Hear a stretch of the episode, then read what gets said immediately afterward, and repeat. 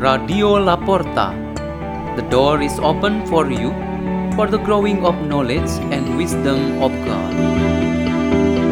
Delivered by Festi Maria Faustin and Prince Halim from the Catholic Religious High School, St. John Paul II Seminary, Labuan Bajo, Indonesia.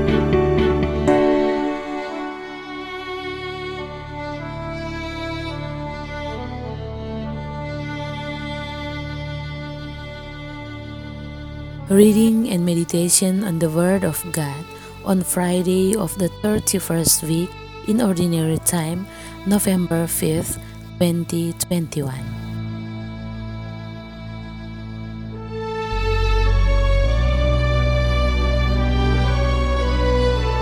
The reading is taken from the Holy Gospel according to Luke. Jesus said to his disciples, rich man had a steward who was reported to him for squandering his property. He summoned him and said, What is this I hear about you? Prepare a full account of your stewardship, because you can no longer be my steward. The steward said to himself, What shall I do now that my master is taking the position of steward away from me? I'm not strong enough to dig, and I'm ashamed to beg. I know what I shall do so that when I'm removed from the stewardship, they may welcome me into their homes. He called in his master debtors one by one. To the first he said, How much do you owe my master? He replied, One hundred mitres of olive oil. He said to him, Here is your promissory note.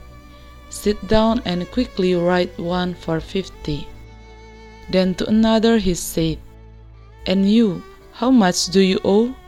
He replied, One hundred mitres of wheat.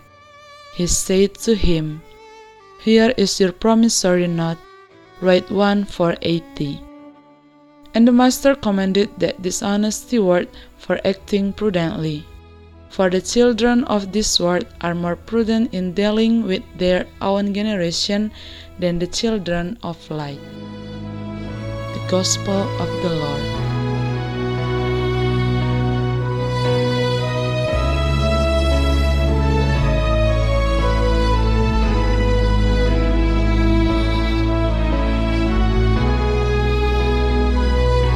Our meditation today has the theme Initiative in Faith. There was a six year old boy asked his father and mother in one particular moment, Who decided that I was born into this world? His parents were suddenly shocked because they never expected the question.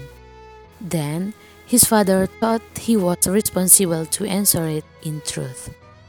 He said, It was not the decision of your father and mother, nor was it your choice to be born into the world as a son to us. The one who had the initiative for your birth was the Lord God, the Almighty One. The boy understood and didn't want to continue his question. God's initiative to act comes directly from his powerful will.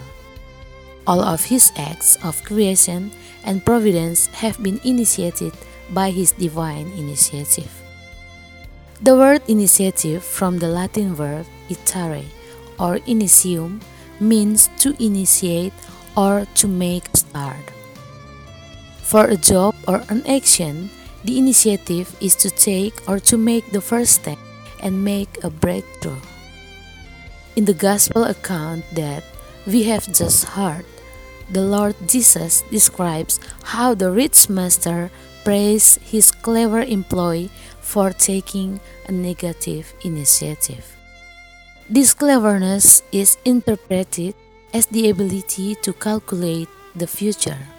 That employee represents people of this world, including us, who often worry about tomorrow. There are people who save a lot of money in the bank. There are others do investments in the form of possessing lands, houses, or best jobs. Or others want to make sure their future by sending their children and grandchildren to schools as best they can. These are all forms of initiative. People can take their initiatives in a dishonest way, like that employee in the gospel, or vice versa in a right and honest way. We will be praised by God for being able to calculate the future for a better life. We desperately need an initiative in our faith that calculates or determines our spiritual life. St. Paul described his future, which he thought was as bright as the light of Jesus Christ, with which he could reach other nations, including the city of Rome. The Christians there were promised a bright spiritual future as children of light to enjoy happiness in the kingdom of God. Initiative in faith teaches us to take the first step to be the light to those who are confused, restless, hopeless, and lost in their lives. We become peacemakers in the midst of hatred and anger. We bring justice instead of the ghost of injustice. We become bearers of truth rather than spreading lies and deceit. All of these are the likes of salvation for all that can be experienced and enjoyed in this world. Let us pray.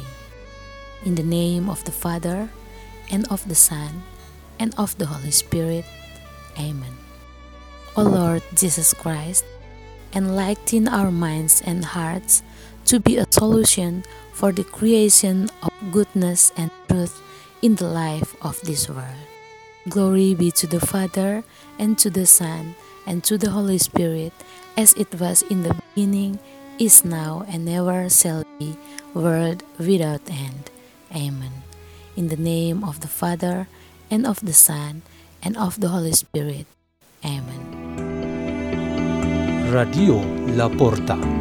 The door is open for you.